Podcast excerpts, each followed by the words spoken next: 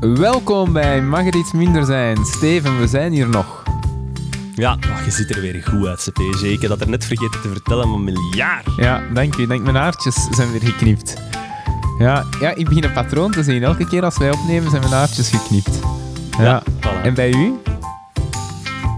Ja, ik ben een beetje ziek. Hè. Ja, nee, maar zijn uw haartjes geknipt? Of, eh? Ah, ja, ja, ja, ja, Magali heeft ziek. Ah, ja, ja, ja, ja. Mooi. Mooi. En ook Dank weer eh, nieuwe, nieuwe bril, dat heb ik al gezegd. Nieuwe schoenen ook. Nieuwe schoenen. Witte. Ja. Ik heb gezegd dat ik er hierover zou beginnen, hè. Wie, ik, Ja, ik weet het niet. Nee, we, we waren Spierwitte in in, eh, in een winkel.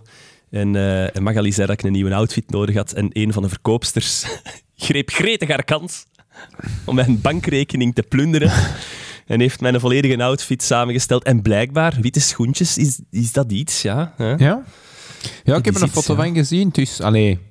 Ik weet niet wat de Janica Zalsi zou zeggen. Ik weet het niet. Ja, het is gamij, hè. Het is re- redelijk hoog gamij gehalte, Ja. vind ik. Ja, Zo dat bad boy. Ja. Maar je ziet het wel meer en meer. Ja, dat klopt. Dat klopt. Ja, je ziet het zelfs af en toe op de gang aan de UNIF. Dat ik denk, oh, Ja. is dat een ding? Is dat een, is dat een ding? Ah, wel, maar ik heb ook... Me- meestal ben ik zo drie jaar te laat met een trend, hè. Maar, Ja, maar dat zou wel kunnen. Ik denk, mm, je ziet het wel al vaker. Hè? Zeg, allee, ik denk dat het wat casual Friday look is. Hè? Zo witte Ja, schoenen ja, op allee, van die gimpen. en onder een geklede broek wordt dat ook gedaan. hè. Ja, ja, meer en meer. Ja, ja, ja. Nee, maar alleen, dat is belangrijk. Hè? Belangrijk dat we bijblijven, vestimentair. Dan mag het iets minder zijn. Steven, ik, eh, ik heb er een fout begaan. Hè? Ik heb het nu nog gezegd Ja. op voorhand, PG. Ik wou eigenlijk initieel wou ik het over Evan, eh Evan Herstal doen. Wat dat een mega interessant onderwerp Ja. is. Ze zijn gisteren nog in de krant gekomen met een het, ik weet krapulstreken. het. Je hebt het, je hebt het doorgestuurd.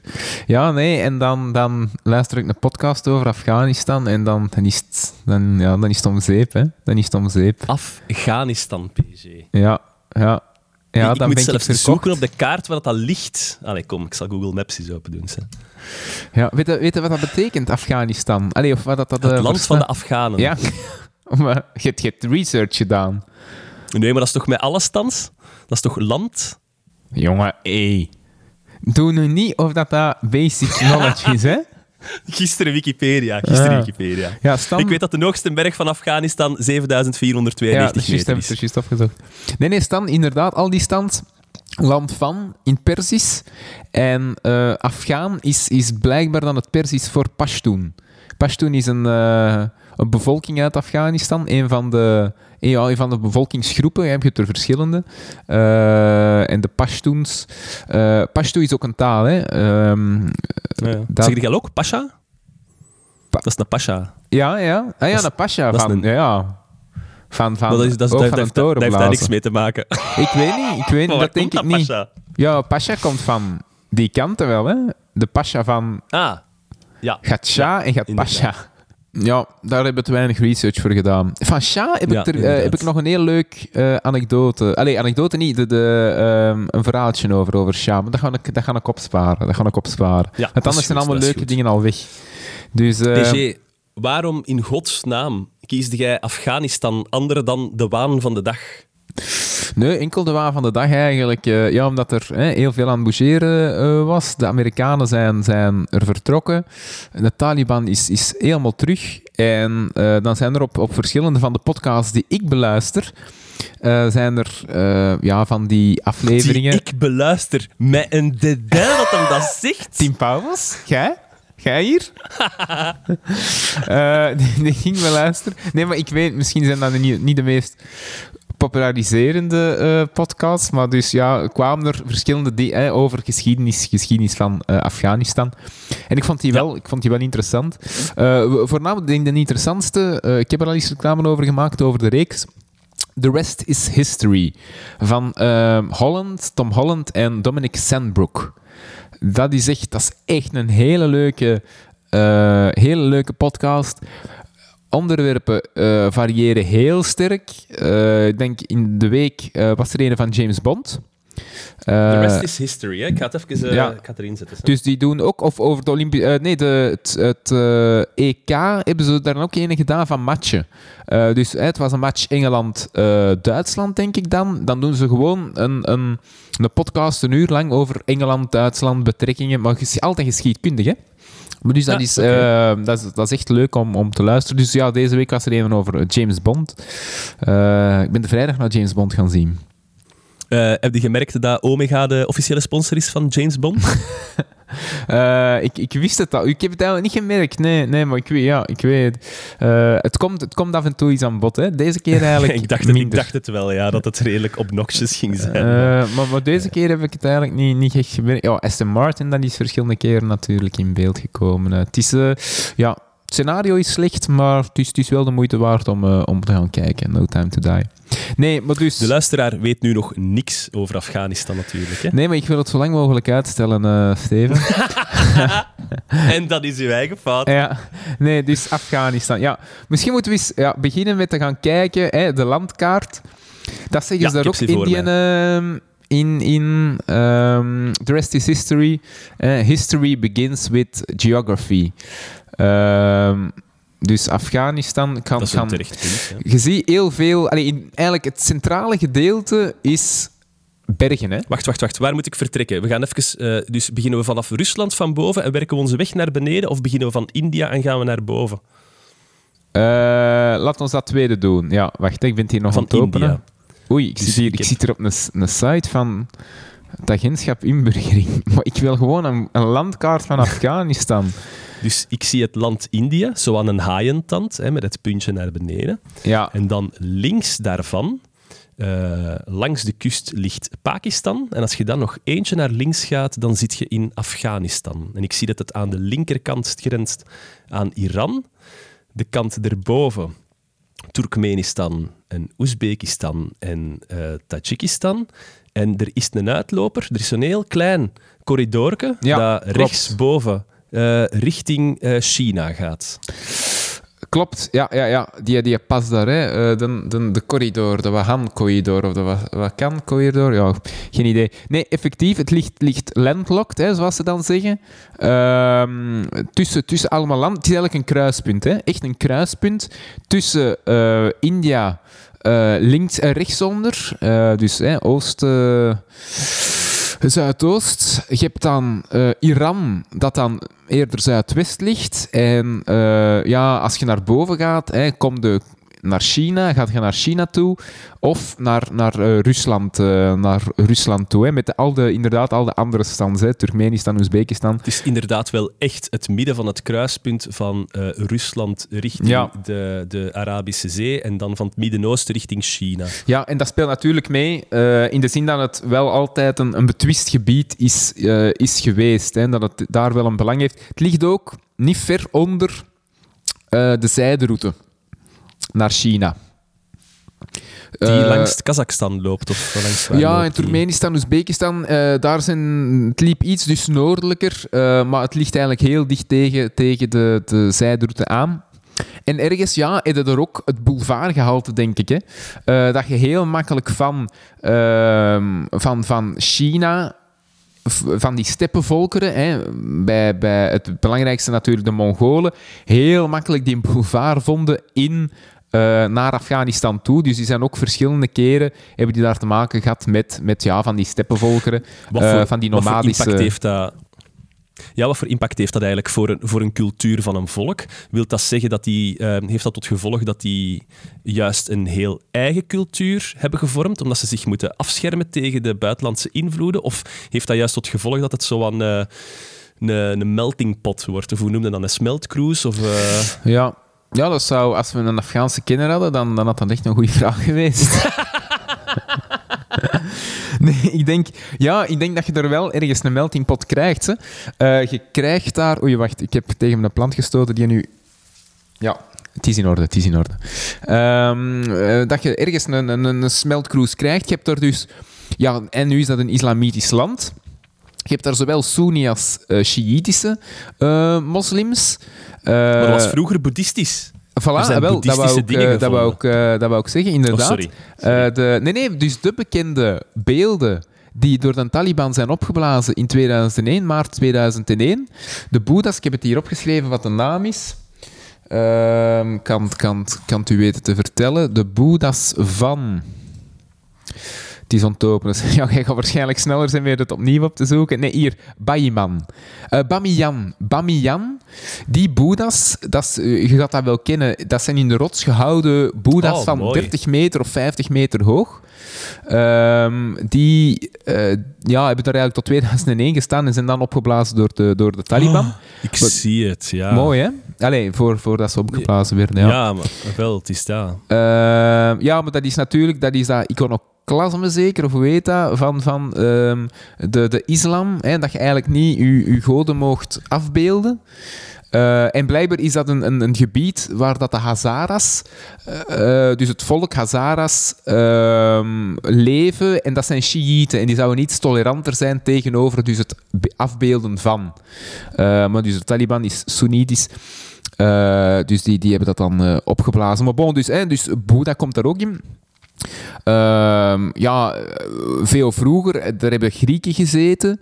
Ehm, dus het was... het Alexander was- de Grote, is die daar gepasseerd? Alexander de Grote is daar gepast. Toen heette dat Bactrië. Allee, het noorden van, van Afghanistan was toen Bactrië. Ehm, En hij, zijn vrouw was een eh Bactrische prinses. Roxanne. Ah, oké. Roxanne. Roxanne. Roxanne. Ah, ja. Roxanne, ja. Je zou denken dat is meer een naam voor de... Voor? Ik weet Voor? niet.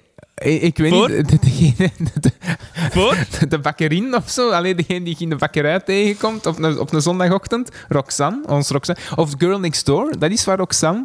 Maar dus, Ja, het was... eh, Oké, ik dacht dat je iets anders ging zeggen. Nee. Hey, hey, hey. Roxanne! Oké. Nee, ik dacht Rox, eh, van dat... Ja, ja, ja. Ja, van eh, eh, Sting. Ja. Ehm, nee, maar dus het was ook een Bactrische eh, prinses, zijn vrouw. Ehm, nee, en dus eh, men zegt eh, Afghanistan, hoe kennen dat nu? Als, als the graveyard of empires noemt men dat wel eens. Oei, waar iedereen in de verstrand ja, voilà. Dus hè, zowel de Amerikanen, vroeger de, de Sovjets, maar er komen dan nog wel op. Maar, maar de geschiedenis bewijst dat het eigenlijk niet het, ehm, niet het geval was. Eh, dus die, die, zijn, die hebben deel uitgemaakt van verschillende eh, rijken. Afghanistan, net hè, omdat het zo op een kruispunt lag. Dus het Perzische Rijk, daar hebben ze toe behoord, was blijkbaar de plaats, was een soort van Siberië. In de zin dat de eh, Griekse steden die stout waren, hè, dus je had eh, in, Turkije, de Turkse kust, daar hadden verschillende Griekse steden. Hè. Eh, degenen die in opstand kwamen, de, die werden verbannen naar, eh, naar Afghanistan. Of naar Bactrië. Ehm, dus dat was een soort van Siberië, maar dus je hebt daar wel een, zeer sterke Griekse cultuur eh, gehad. Eh, en dus dan hij veroverd door Alexander de Grote ook, inderdaad. Hij zat ook, zat ook in zijn rijk. Nu, interessant, wist je dat je, omdat het dus het kruispunt van de culturen was, blijkt er ook echt een kruisbestuiving te zijn gebeurd. Bijvoorbeeld de glimlach van Boeddha. En je kent de glimlach van Boeddha, hè? Eh, ja. Ach, Ja, ja, de, de, Ja, de, maar boe- ik hè, zit- de, de vrolijke dikkerd. Maar ik weet niet waar je naartoe wilt. De vrolijke ja? dikkerd. eh, ah, wel, blijkbaar zou dat komen, of er is een theorie dat dat komt, dat dat eigenlijk de glimlach van Apollo is. Eh, dus de Griekse, de Griekse god. Dat zou daar eh, vanuit zijn overgenomen. Nu, ik ben dan eens gaan zien. Apollo afbeeldingen. Je ziet je nergens glimlachen. Nergens. Dus ja, ik weet niet wat er eh, van waar is, maar dus Tom Holland hè, in zijn podcast zei dat, dat, dat de smile of Apollo becomes the smile of Buddha. Oei, oei, maar die kijkt altijd streng, hoor. Ja, voilà. Ah, wel, ja, dus ik, ik zie het ook niet. Ik zie het ook niet meteen. Maar er is, hè, men, men zegt dat. Blijkbaar ook, dat wist eh, vriend, vriend van de podcast, Ronald van Krombrugge, ons te vertellen, of mij te vertellen, alleen nee, u ook, eh, op on- een van onze backpacks, dat ehm, de gewaden in, dat, dat men nu draagt in India soms. Dus ik denk ook van de, van de monniken zeker, dat die gewaden, dat dat ook eh, mogelijkerwijze het overnemen zou zijn geweest van de toga's in de Grieks-Romeinse cultuur. Uh, ja, dus als, als dat niet klopt, als je daar kritiek op hebt, uh, slechts één adres, dan is uh, Ronald Punt van Krombrugge atcuria.be zeker? Of wat is een e-mailadres? ja, het is een professioneel e-mailadres direct. Hè? Ja, ja. ja. ik heb er geen ander, want dat van de Kul dat heeft niet meer, denk ik. Dus, dus, dat, nee, dus het is, nogmaals, het is, het is een kruispunt van um, zeg, jij zegt, ja, jij zegt dat Afghanistan het, het Siberië was. Hè? Ik, ik heb bij Afghanistan in mijn hoofd ja, de beelden van de American Bodycams, hè, dat je daar zo de, de, de stoffige de stoffige bergen ziet. En inderdaad, als ik het bekijk op de kaart, op de wereldkaart, ik zie de Himalaya helemaal langs de grens van Indië lopen. En dan de uitloper van de Himalaya is eigenlijk een heel bergachtig gebied in Afghanistan zelf. En voor de rest zie ik een woestijnvlakte en voor de rest nog zo wat... Ja, stoffige graslanden of zoiets. Uh, is, is het een moeilijk doorgang, doorgaanbaar gebied? Ja, ik denk, het, uh, ik denk inderdaad dat je er niet over walst, omwille van de geografie uh, en, en dus het heuvelachtige terrein, dat het effectief, uh, zo, zo als je met de Amerikaanse invasie hebt gemerkt, de, de steden kunnen vrij makkelijk onder controle krijgen, maar effectief, omdat het zo moeilijk toegankelijk is, uh, is het heel moeilijk om, om dat land uh, volledig, volledig te, te veroveren. Um, omdat het, ja, ik denk, ja, wat, wat Zwitserland, hè. Zwitserland is ook heel lang um, onafhankelijk geweest of was heel moeilijk te veroveren. Net omdat je, ja, het, uh, met je legers kun er niet zo makkelijk doorkomen. Uh, dus ik denk dat dat inderdaad wel, wel meespeelt uh, in Afghanistan. Wat ook belangrijk is, je hebt dus vanuit Afghanistan heb je eigenlijk een kloof dat is de, hoe heet ze? Ik heb het hier ergens opgeschreven. Die dan rechtstreeks naar, um, naar Pakistan loopt. Dus eigenlijk heb je daar een soort van boulevard vanuit Afghanistan naar Pakistan. En dan via Pakistan de Indusrivier direct naar, naar India. Uh, dus ja, alleen bijna bij hè, het pistool, zogezegd, hè, dat Antwerpen een pistool gericht is op, uh, op Londen, hè, wat, wat, bij Napoleon dan het geval was, zouden we kunnen zeggen dat Kabul en, en, en uh, dat deel van, van Afghanistan bijna een, een uh, pistool is dat gericht is op, op, ja. op India. Is dat de verbinding is dat de verbinding van Jalalabad naar Peshawar? Uh, ja, ik denk het. Uh, ja. Ik ben blij dat we hier met onze kenner zitten. nee, nee, maar die, die kloof... Allee, ik heb het hier ergens opgeschreven, maar ik, uh, ik, vind, het, ik vind het op dit moment niet, niet terug. Maar het is de, Kuiber, de Kuiberpas. De Kuiberpas. Zeg ik hier gewoon uit, uit geheugen. Hè? Ik vind het niet meer terug waar ik het heb opgeschreven, maar de Kash KHIBR, pas, bergpas in Pakistan. Uh, ja, maar het is inderdaad die verbinding van Jalalabad ja, naar is de belangrijkste, ja. de belangrijkste bergpas. Dus hè, uh, ik zeg het, een, een, uh, een pistool gericht op. Uh, ook de, de Mogels, ik weet niet, hè, je, daar zullen we wel van gehoord hebben, de, het Mogolrijk in India. Uh, de, de dingen, hè, de Taj Mahal, dat zijn de Mogels. Dat waren eh, moslims en die zijn de, de eerste, de Babar of de Baboer, de allereerste daarvan, de, de, de stichter van dat rijk, is uh, vertrokken eigenlijk vanuit Kabul en is dan gewoon via Pakistan richting India getrokken. Dus, uh, dus allez, om daar maar te zeggen, ergens wel het, het strategische belang van, van Afghanistan. Vanuit Afghanistan kom je toch, of vanuit Kabul daar, en Uh, en in Jalalabad komt je heel makkelijk in, uh, in India terecht. Om eh, maar het, het, het, strategische belang uh, te duiden. Wat is er nog belangrijk ehm, aan Afghanistan? 40 miljoen man dat daar woont, jong. Ja, zo'n groot land ook, hè? Zot, hè? Ja, ja op zich maar... is dat uiteindelijk... Allee, dat is vier keer... Uh, dat is vier keer België, minder zelfs uh, nu. Maar als je het vergelijkt ja, ik, ben nu, ik ben heel slecht in van die ik inschattingen. ik zal de oppervlakte niet uh, Dat kun je natuurlijk ook doen, maar ik denk dat het, dat het toch wel een 6, 7 keer België zal zijn, zo, ah, ja, qua oppervlakte. Oké. Okay. Um, Maar ja, het is, ik zeg het, het is eigenlijk heel veel ehm, bergen. Ehm, Sorry, BG, Dus- het is veel meer. Het is, ehm, serieus? ja, ja, het is, Peggy- eh, het is 20 keer zo groot als België. Echt? Ja, 22 keer. Maar op, op de wereldkaart lijkt dat wel niet zo, hè? Nee, maar oppervlakte van België is 30.000 kilometer. Ja, en Afghanistan is Ik geloof u. 650.000 kilometer. Maar ik ben dus- hier eens aan het zien, dat lijkt even groot als Frankrijk, Afghanistan. Ja, ja, ja. Maar ik geloof u. Ehm, nee, dus wat is er nog belangrijk? De verschillende eh, stammen dat je daar... Allee, stammen, volkeren, etnieën dat je daar hebt. Dus eigenlijk zoals we... We hebben dat eens gehad over Ethiopië. Eh, iets dat wij eigenlijk niet kennen, hè? een etniciteit. Nee, nee. In, in, in Europa, vo- volkeren, stammen, dat, dat kennen wij niet meer. Eh allee, je hebt natuurlijk wel subidentiteiten, West-Vlamingen tegenover Limburg, dus dat speelt allemaal ergens wel.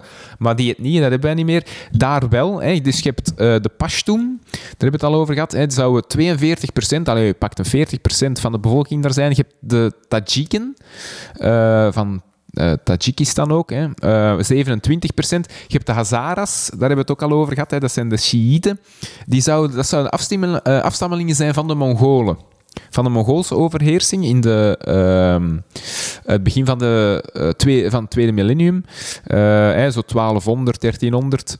Dat, eh, dat moment zouden zij de afstammelingen van zijn. Je hebt de Oezbeken, zouden een 10% zijn, dus Hazaren zou ook een 10% zijn. Allee, dus je hebt er verschillende. Binnen dan die etnische groepen heb je nog stammen ook. Hè. Eh, heb je nog verschillende stammen. En dat speelt ergens wel. Die Dat kan ik evenwichten- inbeelden, ja. Ah, maar ja, die evenwichten, die identiteiten, net zoals in Ethiopië, hè, we hebben gezien dat die identiteiten wel spelen. Ehm, die breuklijnen wel spelen, dat speelt hier, eh, dat speelt hier zeker ook wel. Ehm, nu, ja, Wacht, hè. Ehm, er komt nu in het nieuws dat... ehm allee, dat was al langer, maar dat Afghanistan... eh, je kunt daar niet van zeggen dat die een centraal bestuur hebben. Hè. Bijna niet, inderdaad. Eh, maakt dat dat het zo moeilijk is om daar een nieuw gezag te plaatsen? Net al die stammen en al die volkeren dat daar samenleven, is, is dat net wat dat er ontbreekt? Waarom dat onze, onze manier van denken daar niet gemakkelijk toe te passen is? Dat is eh, wederom een heel goede vraag. We zouden, we zouden eigenlijk echt eens een Afghanistan-kenner moeten uitnodigen. Nee, ehm, waarschijnlijk wel. Hey, wat we ook in Ethiopië hebben gezien. Ja, je kunt er uiteindelijk wel een centrale... Het, is, ook niet dat je kunt zeggen... Het bestaat nog maar net, het concept Afghanistan. Uiteindelijk...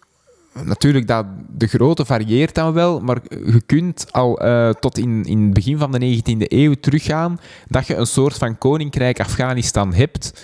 Ehm, dus, dus zeggen dat dat iets volledig nieuw is, België is even oud. Dus dat, Ja, dat zou ik niet durven zeggen. Eh, ja, dat is een goede vraag. Waarom lukt dat daar niet een centraal... Maar dat is ook heel vaak in Afrikaanse landen zo zeker. De vraag, waarom lukt dat daar niet? Twee weken geleden of drie weken geleden was het op de interne keuken iemand van over Congo, Democratische Republiek Congo, hè, ging het daar ook over. Hoe komt het dat men daar land niet op de rails krijgt? Die was dan ook aan het verwijzen naar eh, dat, hoe noemde het, eh, tribaal, tribaal nationalisme of zoiets, of nationalistisch tribalisme, ik wil het kwijt zijn. Maar dus dat het, het feit dat dat tussenniveau er zit, van die etnieën, dat dat ja, het minder gemakkelijk maakt om, om een, een respublica, eh, het algemeen belang, op een hoger niveau eh, te, te, te, te gaan installeren. oké. Heeft Nee, dat ermee te snappen, maken? ja. Ik weet niet. Ja, allee, daar, daar voel ik mij niet geschoold eh, voor om, om daar uitspraken over te doen. Eh, maar dat zou, dat zou kunnen meespelen, vermoed ik dan. Ja. Ehm, ja, dus we gaan niet heel de geschiedenis, eh, we gaan niet heel de geschiedenis doen. Misschien nog een, een, een, leu- allee, een leuke. Er is eh, ook wel een Game of Thrones kantje aan. Oh, In de zin nee, dat je bedoelt de- veel te de- complex en geen einde? Of, eh, Je hebt in de 12e eeuw een, veroveraar gehad. Dat waren we hè, er juist aan het zeggen. eh, Het is ergens op het kruispunt van. En het is heel makkelijk om die steppen, van die steppenvolkeren, van die stans, naar beneden te komen. Hè, en dus eh, in Afghanistan binnen te vallen. Eh, en je hebt er dus blijkbaar ene gehad, een veroveraar, die van, van het noorden kwam. En die, noemde zichzelf, de, de, het, was, het was in het Engels de podcast dat ik hem heb gehoord, The World Burner. Hmm. Ja, ja, en die heeft dan de hoofdstad van het toenmalige Father rijk... van- Dragons. Ja, de, van eh, het toenmalige rijk, eh, van, van niet Kabul was op dat moment, maar dus de hoofdstad eh, veroverd en eh, heeft, heeft de, de inwoners ertoe gedwongen om aarde van hun, het veroverde gebied, mee te nemen naar zijn hoofdstad. En dan werd dus geëxecuteerd en, eh, en, en werd er ja, met het bloed en de aarde werd, ehm, werd iets opgetrokken of zoiets, werd een monument, op, eh, monument opgericht. Ja, maar dus, alleen, er is wel Game of Thrones, buiten, buiten dan de draken, ehm, komt, er, komt er wel veel van in de geschiedenis, vinden we wel veel voorbeelden van gelijkaardige, gelijkaardige dingen. De World Burner. Nu, Afghanistan, zoals we het vandaag kennen, of, of meer het concept, laat ons zeggen het concept Afghanistan, dat komt ja zo in de mm, 18e eeuw, mm, eh, ja, 18e eeuw, 19e eeuw, ehm beginnen, dat, eh, beginnen dat te zien. Of begint dat op te komen. Eh, er is op een bepaald moment een, ene van, Per- eh, van het Perzische Rijk. De Nader Shah Afshar. Ik lees dat hier gewoon af uit, ehm, uit, uit, uit mijn Word-documentje. Was het laatste de woord Nader Abshar? Afshar. Afshar. En Afshar. Ah, oké, oké, Ja, oké. Ja, dat nee, was maar een ik, je weet nooit van waar dat komt. Ja, dat was een veroveraar. Die noemden ze ook wel de Napoleon van eh, Perzië. Ah. Of the Sword, the Sword of Persia. Eh, en, of de, de, de tweede Alexander de Grote, die heeft op een bepaald moment ehm, het Iraanse Rijk enorm vergroot. Tot aan Indië zelfs. Hè. Afghanistan zat daarin en vele van de Afghaanse stammen ehm, vochten ook voor, eh, voor hem. Dus dat was, dat was een krijgsheer. En ik denk dat ja, het, grootste, het grootste rijk ter wereld dat hij op een bepaald moment heeft gehad, op dat moment dan.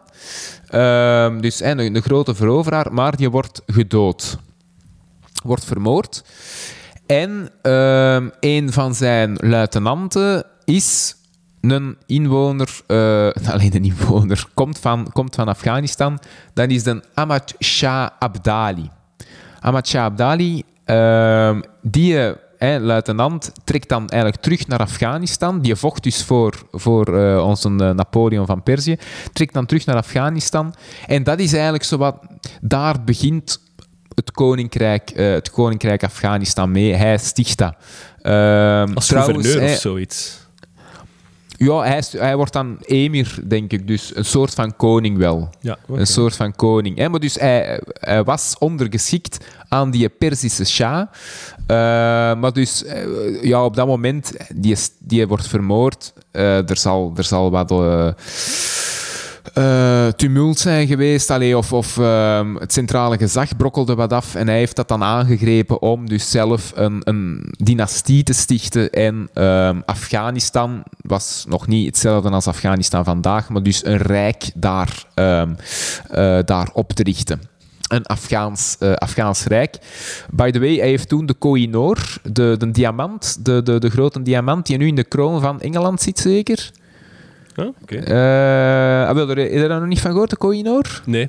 Nee, dat komt ook eens in de interne keuken van vorig jaar. Eh, dat, is, dat een hele... Allee, de bekendste diamant ter wereld, denk ik. Ehm, die, eh, die werd gedragen door onze Napoleon van Perzië.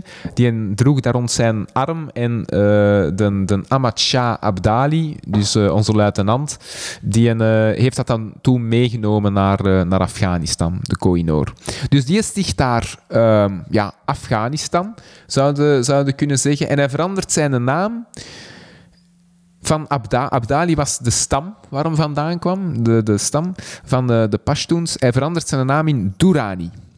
Of in Shah Duri Duran. En dat betekent King Pearl of Pearls. Wow. Dat, dat, is, dat is niet mis, hè? Dat is niet mis. Sindsdien noemt je stam ook, eh, noemen ze zich niet meer Abdali, maar eh, de Durrani-stam. Ehm, van, van dus eh, de Abdali-tribe. Ja, dan krijg je daar wat opvolgers. Andere shahs, daar stap ik over. Ah, misschien nog mijn tweede wistje datje, dat leuk is. Shah heeft de naam gegeven aan schaakmat. Blijkbaar is schaakmat, eh, eh, komt dat uit het Persisch. En betekent dat de, koning, en de koning is dood, de Shah emat. Dus, allee, eh, dus dat moet Persisch zijn voor hè, de koning is dood. Shah, Shamat of zoiets. Eh, in die zin. Maar dus, En jij gelooft die shit Maar- allemaal. Jongen, Waar zoek het leesde op. jij dat? Zoek het op. Ik heb dat gehoord. Ja, ja, nu zijn we terug bij geloof. Ik heb dat gehoord van een vriend. Wacht. Schaak. Schaakmat. Een we gaan niet dat nader genoemde vriend. Ten Dave. Shamat, de koning, is dood. Eh, hier, hier. De term schaakmat is waarschijnlijk een vernederlandsing van twee Perzische woorden. Sha Oh. en mat, die samen de koning is zonder uitweg betekenen. Dave, hoedje af. Ah, hier, hier. Hij is in de westerse talen terechtgekomen via het Arabisch, waar samat werd geïnterpreteerd als de koning is dood. Oké, oké. Voilà. Allee, terug in je kot. Het is zo, het is zo. Nu, dus eigenlijk heb je de dynastie van de Duranis, hè, van, de, van de parels. De pareldynastie. Op een bepaald moment, die worden eh, impopulair.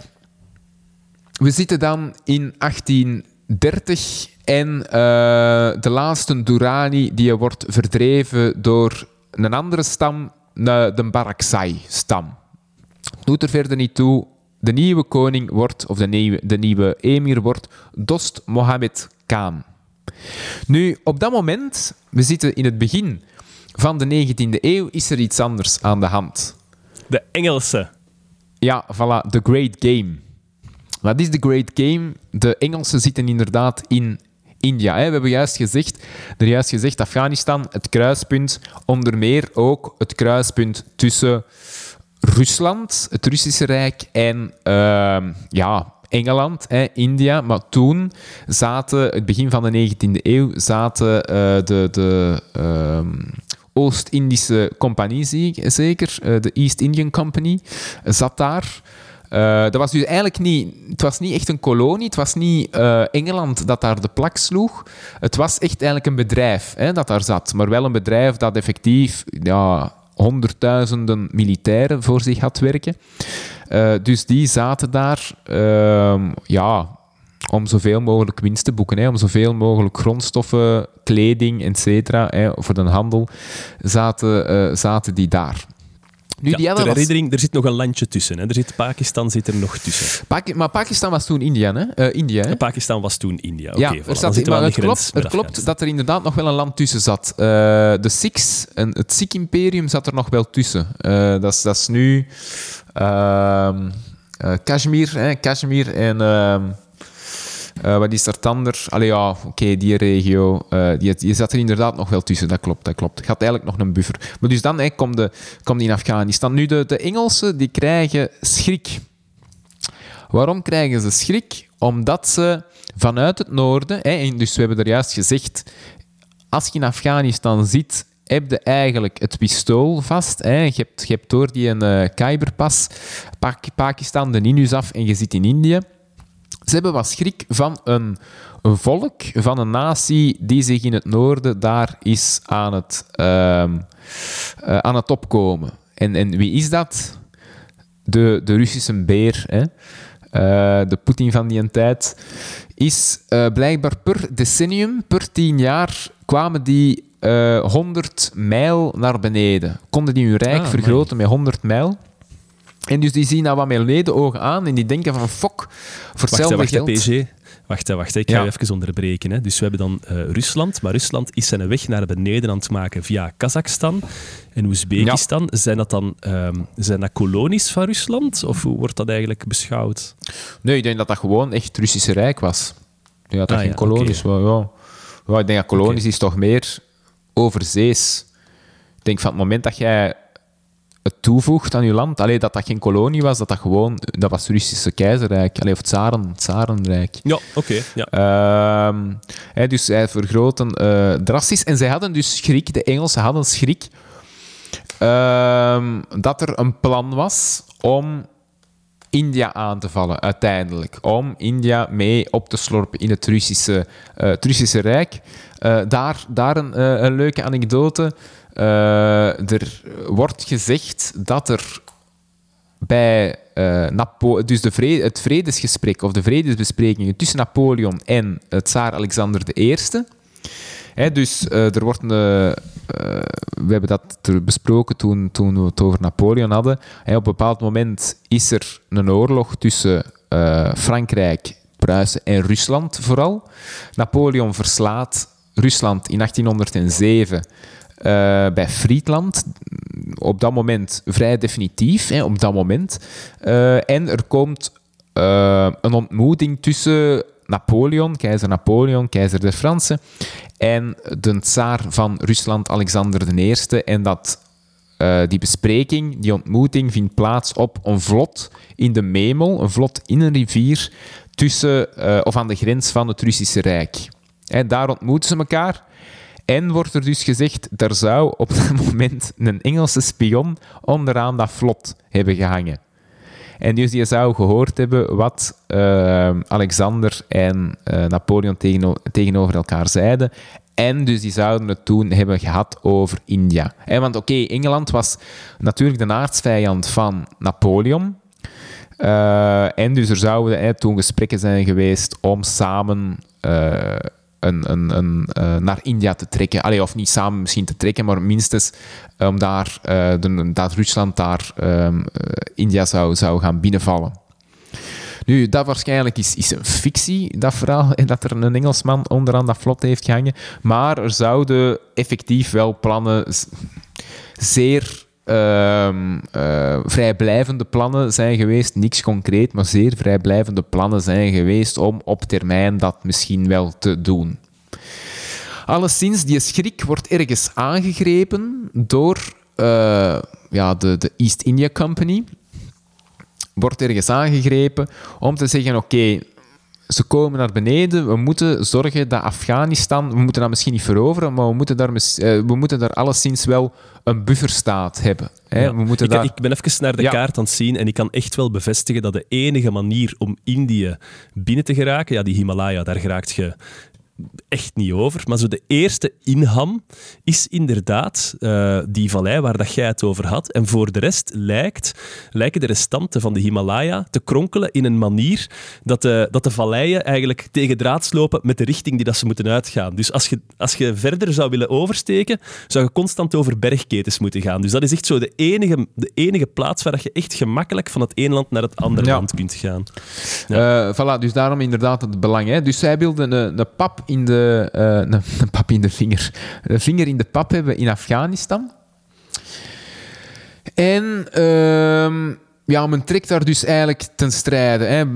Dat, lukt niet eh, volledig. Of Afghanistan is, is uiteraard niet, niet meteen willing om, om ehm, zijn, zijn politiek te laten bepalen door, door eh, die club of die firma, dat bedrijf uit, uit Engeland. Dus er wordt een troepenmacht bijeen eh, en die trekt op naar, eh, naar Afghanistan. Nu, je zult misschien al parallellen horen met, met een iets recentere situatie, want in het begin lukt dat. Die, die, eh, de Engelsen die, die walsen, daar, walsen daar overheen. Dus we zijn nu in 1839. Hè, 1839. Ze walsen daar overheen en eigenlijk heel snel kunnen ze de steden, eh, minstens toch in, in het oosten, kunnen die worden onderworpen en zitten ze in Kabul.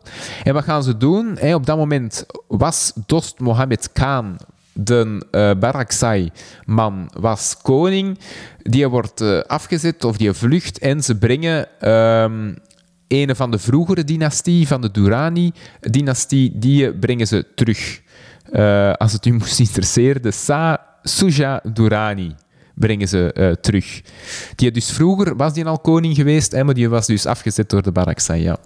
Was dat die Eh, Pearl of Pearls? Dat was een die, hè? Nee, nee, nee, nee, dan, Ah, dan, nee, dat nee, is sorry, nog een vroeger. Dat is nog. Oh, vroeger. het is een nazaat, een nazaat van de Pearl Ja. of Pearls. Ah, wel, ja, dat bedoel ik, maar, Ja, maar ja. zijn een dynastie. Ja, ja. die dynastie. Ja, ja klopt, klopt, klopt. Hè, dus die was afgezet door de Baraksai en komt dus nu terug en wordt eigenlijk ja, een soort van marionet van, van de Engelsen, wat natuurlijk altijd een goed plan is. Ehm, en die wordt ook zo gezien als, als marionet, uiteraard. Uh, dus die is absoluut niet populair. Dat regime is niet populair. Blijkbaar ja, verkloten ze dat ook geweldig voor hunzelf. Doordat uh, ja, een van de, de adjudanten die mee is, begint een relatie met uh, de, de, de vrouw van een van de stamhoofden daar. Hè, dus qua draagvlak, het is er niet. Het is er niet. Wat gebeurt er? Er komen uh, opstanden. En uiteindelijk moeten ze uh, terugtrekken. Uh, de, de Engelsen, er wordt dan onderhandeld, Engeland, met, met, met de Afghanen daar. En de Afghanen rekken het lijken het te rekken. Niet duidelijk waarom. Bon, uiteindelijk is er een akkoord dat de Engelsen zich mogen terugtrekken, terug richting uh, India. Ik denk naar, naar Jalalabad, maar daar ben ik nu niet zeker van. Uh, dat ze zich mogen terugtrekken. En dus en dat gebeurt. En we zitten dan in de winter, uh, of in januari 18, 1842. Natuurlijk, en in Afghanistan is het berenkoud. In de is het berenkoud, uiteraard. En uiteraard is dat eh, een valstrik. Worden die dan op de route. En dat is een caravan, niet enkel met militairen. Hè. Dat is een caravan met een heel hebben en oude. Uh, met, met, met, met kampvolgers, met, met vrouwen en kinderen. En eigenlijk iedereen, alleen niet iedereen, dat is dan het verhaal, het dramatische verhaal. Hè, dat, er, dat iedereen wordt uitgemoord en dat één, slechts één persoon het terugmaakt tot het kamp. Een dokter uh, een dokter, dat in realiteit is dat wel niet zo. Zijn er nog. Uh, misschien dan de enige echt een Brit dat het terugmaakt. Zoveel zullen er niet geweest zijn. Maar wel veel van het Indische leger, hè, dat dan toen deel was van, uh, van Engeland. Allee, van die, die compagnie. Ehm, die, die, maken het, uh, die maken het wel terug. Uh, of die kunnen wel terugkeren. Maar bon, hè, dus dat is een, uh, enorme, uh, een enorme afgang. Zeker in de 19e eeuw. Waarschijnlijk een van de, ja, of de grootste afgang in, ehm, van, van Groot-Brittannië in het kolonialisme of in, in, in koloniale ja. rijk. Uh, even, even dat, dus in tegenstelling tot Napoleon zijn, uh, zijn terugtreden uit, uit Moskou is dit maar 150 kilometer. Als je zegt Kabul, Jalalabad. Ah ja, ja. Dat is zo... ja, dat zal inderdaad niet veel. Maar ja, het terrein zal ja. Ehm, iets, iets minder. Alleen, nu niet dat dat. dat een, een, stroll in the park was natuurlijk om terug te keren van Moskou. Maar echt heuvels of zo denk ik dat je er niet over moet. Of bergen, hier moeten doorpassen en, en moeten doorpassen kruipen. Dus allee, men is daar in een hinderlaag gelokt. Uh, men heeft daar ja, troepen, troepen verloren. Nu blijft natuurlijk die Great Game blijft wel gespeeld worden. En naar het einde toe van de 19e eeuw, hè, men heeft terug men, is, men heeft terug schrik, want de Russen die zijn tot aan de grenzen van Afghanistan uh, geraakt.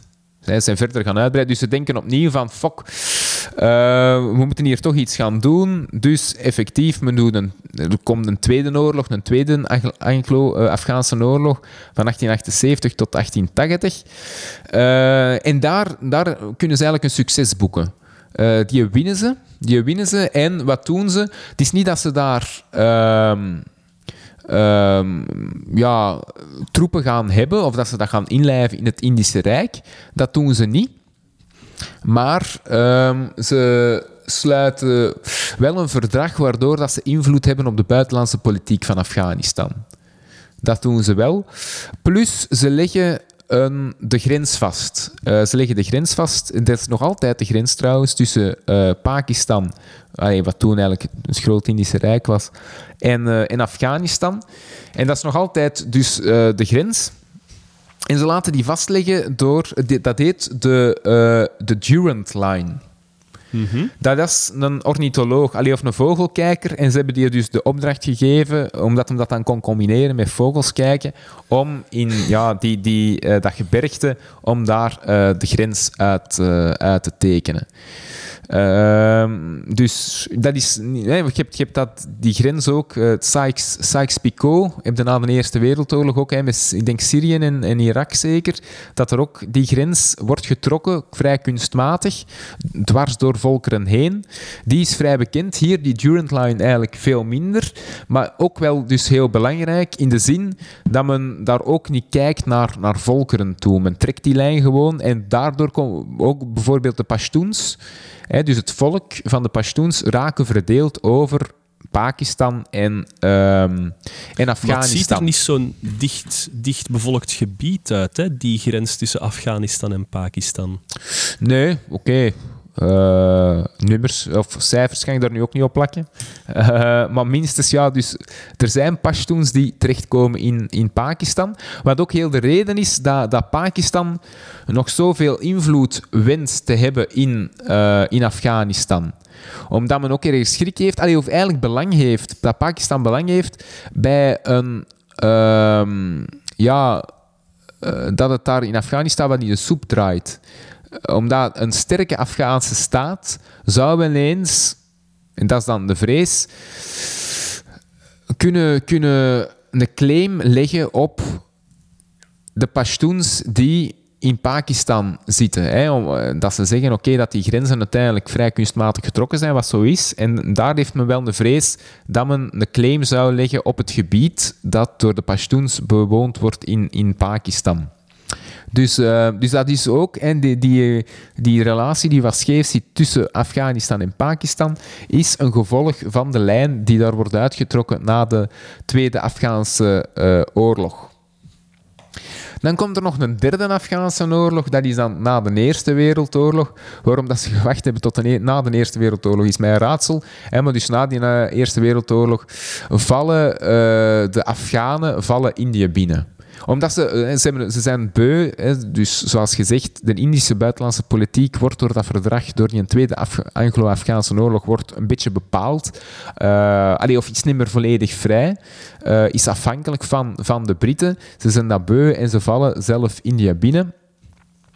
Ehm, Oké, dan loopt dat wel verkeerd af. De, de Britten slagen natuurlijk terug. Blijkbaar een van de eerste luchtbombardementen vindt plaats op Kabul. Eh, op dat moment, 1919. Met wat voor vliegtuig gaat dat geweest zijn? Ja, dat, dat gewoon zo'n rode baronachtig iets. Ja, hè. een dubbeldekker met granaten Ja. of zo. Voilà, voilà, maar dat ze dingen op beneden smeten. Dat gaat zoiets geweest zijn. Maar oké, als je dan zeker op die moment die gewoon nog nooit een vliegtuig hebben gezien, ik denk dat dat wel, zelfs al is dat maar zo'n tweedekker, dat gaat wel indruk maken. Ja, ja, dat wel. Dat wel. Ehm, dus oké, wat men dan uiteindelijk krijgt, er wordt een nieuwe vrede gesloten. Ehm, en er wordt eigenlijk bepaald... Oké, de Britten winnen uiteindelijk wel, maar er wordt bepaald dat Afghanistan eh, een volledig eh, ja, soevereine staat zou worden en een eigen buitenlands eh, beleid zou, zou mogen voeren. Dus uiteindelijk ook wel lijkt mij dat een overwinning voor, voor Afghanistan te zijn. En dan krijg je eigenlijk een hele reeks van ja, eh, machthebbers, koningen, die zich richten. Wat je op in andere eh, landen ook ziet, hè, bijvoorbeeld in Iran, die zich eigenlijk richten op het Westen. In de zin van dat ze vernieuwingen willen, eh, dat ze ja, oude wetten naar, naar burka toe, naar vrouwenrechten, dat men die begint af te schaffen. En dat men echt tegen snel tempo begint te verwestersen. En hoe komt dat? Is dat door die, door die Engelse invloed dat daar is geweest? Dat men heeft gezien, het kan ook anders? Of, eh, Dat is een goede vraag. Ja, dat is voor een de. Afghanistan-kenner? Voor de Afghanistan-kenner. We parkeren dat. Ja. Eh, ja, nee, inderdaad. Want Iran ligt daar wel naast, hè? Ja, maar daar heb je dat ook gehad, hè? Eh, Ah, met ja. Ah, ja, ja, ja, tuurlijk. Ja, ja. Reza, Reza, hoe heet hem? Reza Shah. Eh, ik denk dat dat de vader is van de laatste Shah, zeker. Ehm, die, die ook begint ehm, ja, onderwijs te bevorderen, oudere wetten begint af te schaffen, die, bijvoorbeeld die de burka verplicht stelde. Dus je krijgt hetzelfde eigenlijk in, in Afghanistan. Eh, krijg hetzelfde. Dus ja, waarom is dat? Waarom... Allee, je hebt dat ook, Atatürk, in, ehm, in Turkije is zo wat hetzelfde. Hè?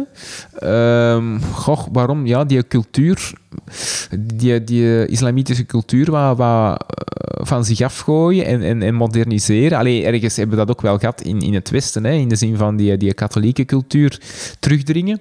Waarom is dat? Waarom doe je dat op een bepaald moment? Ja, omdat je de vooruitgang Nee, ziet, zeker. het is, het is een En- tendens dat je overal ziet. ja, ik denk dat dat daarom is. Ehm, en je krijgt, ja, uiteindelijk krijg je eh, door Mohammed Zahir Shah. Die zou denk ik voor een dertigtal jaar of zoiets zou die regeren. Een deel wel als, als minderjarige, alleen dat er dan een voogd wordt aangesteld. Maar dat wordt de, de vader van de natie, de Mohammed Zahir Shah. En die regeert tot eh, 1973. Die, die ehm, bevaart eigenlijk een, een politiek, eh, wat heel veel landen denk ik deden op dat moment, van ja, tussen hè, het evenwicht zoeken tussen, u positioneren tussen in die Koude Oorlog, tussen, tussen eh, het Sovjetrijk en de Amerikanen. En blijkbaar wat men zeide is dat men eh, Amerikaanse sigaren, sigaren rookte eh, en die dan aanstak met Russische lucifers. Ah, ja. Ik wist trouwens niet dat er Amerikaanse sigaren, dat dat zo'n ding is. Maar in, Nee, die ik ook podcast, in die podcast spraken ze, dus, eh, spraken ze dus over American cigars.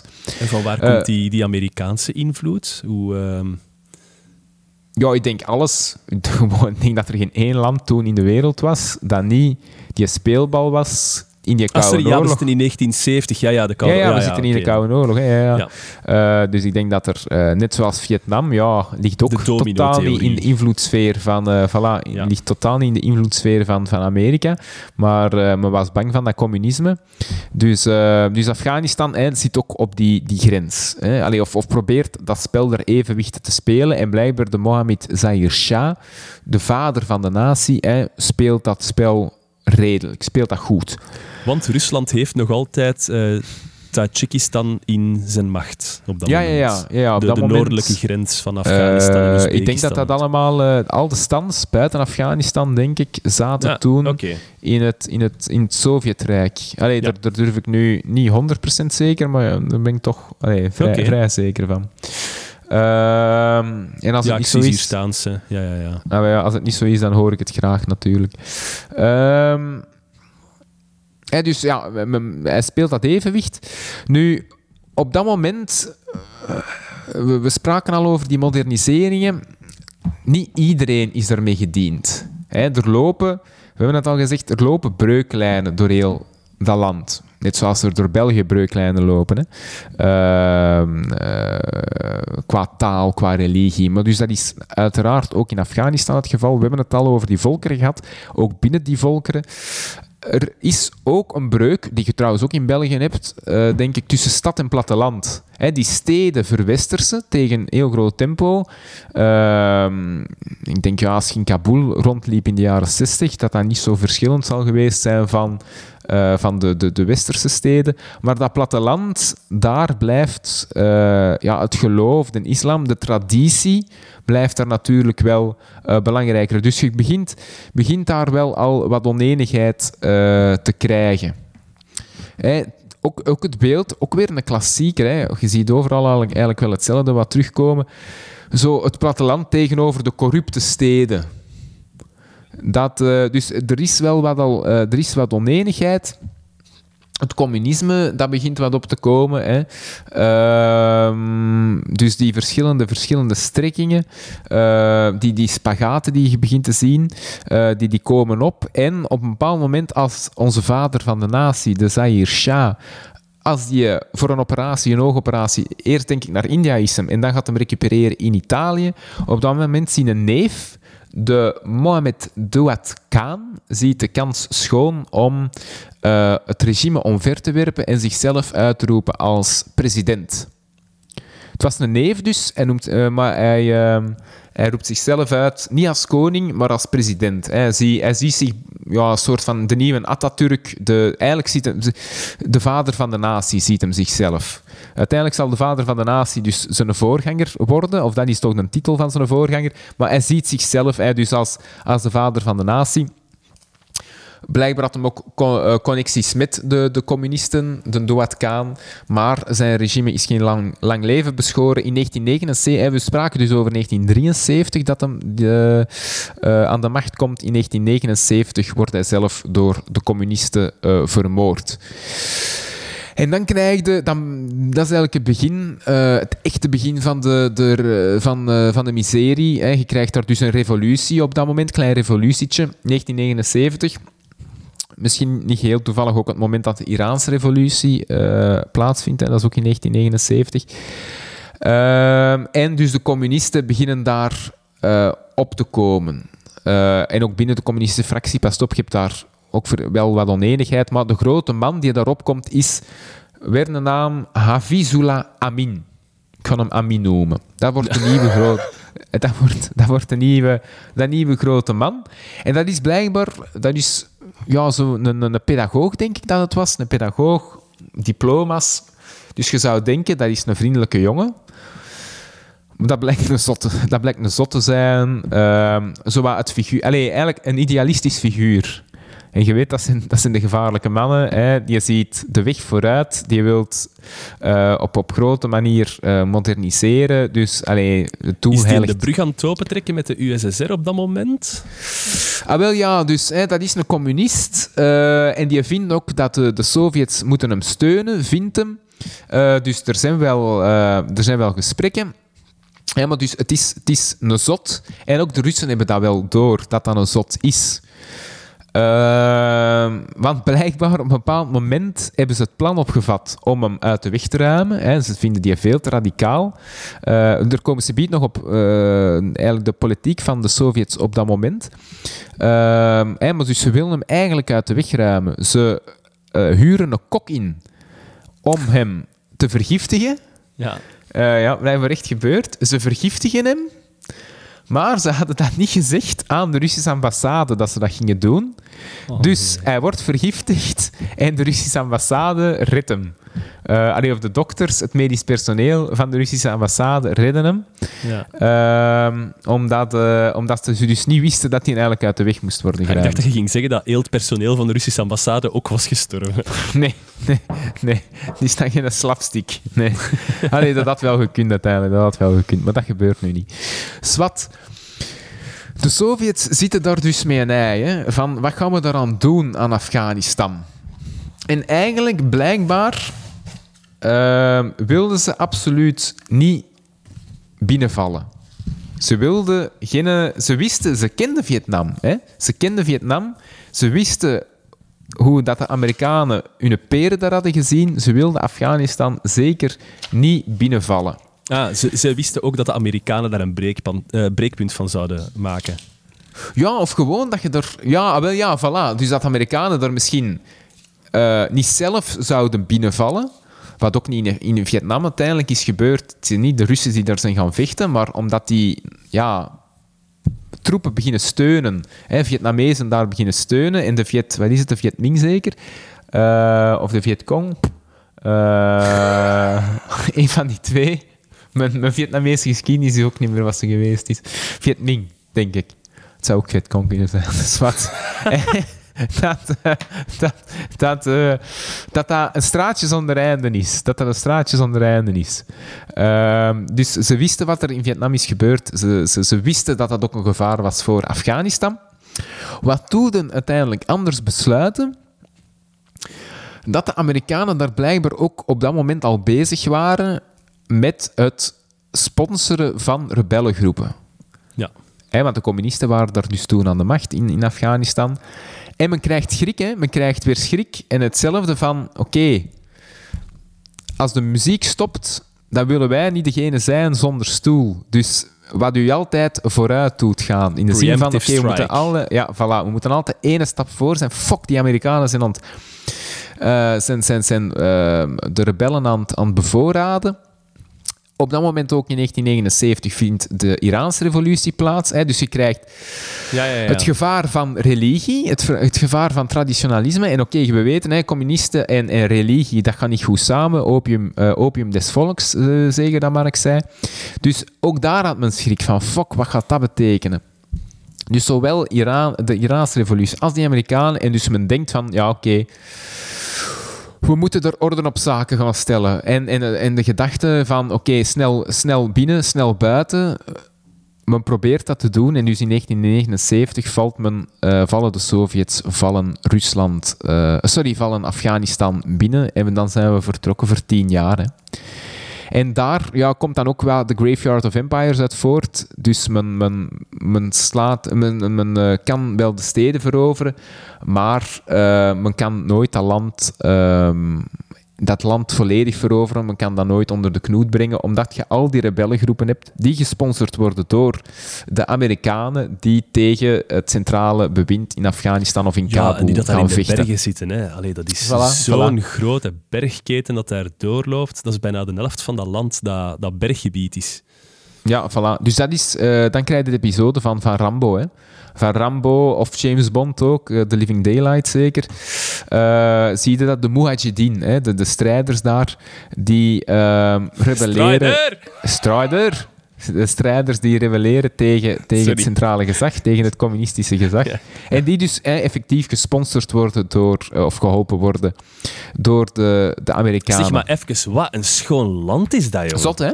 God, ik ben hier de afgelopen, het afgelopen half uur mijn ventje van hier naar daar aan het zetten, maar dat is echt een prachtig Ja, land. ja, ja, ja, dat is. Dat is ehm, allee, als je daar, ja, en ook denk Kabul, die beelden, dat is echt de bergen op de achtergrond. Hè? Ja.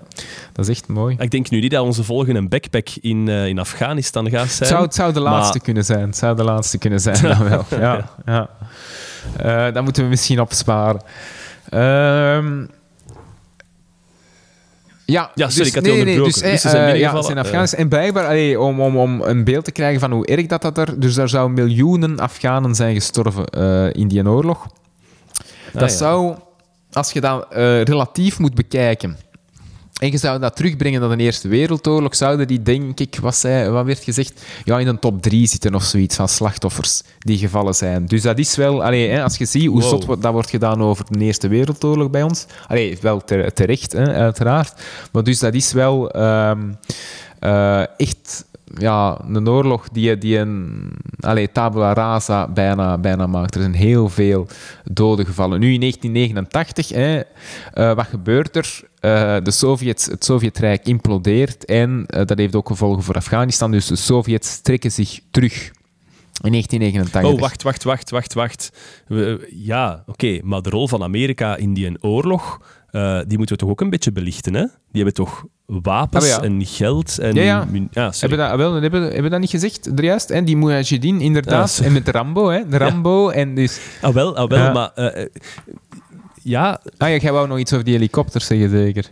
ja, nee, ik, ik heb dat gezien in die film Wilson's War, dat dan die, die Russische helikopters echt die Afghanen Ah, aan ja, voilà, schoten en dat, dat, dat, Ja, dat is die- Amerikanen raketlanceerders gaven om die uit de lucht te schieten.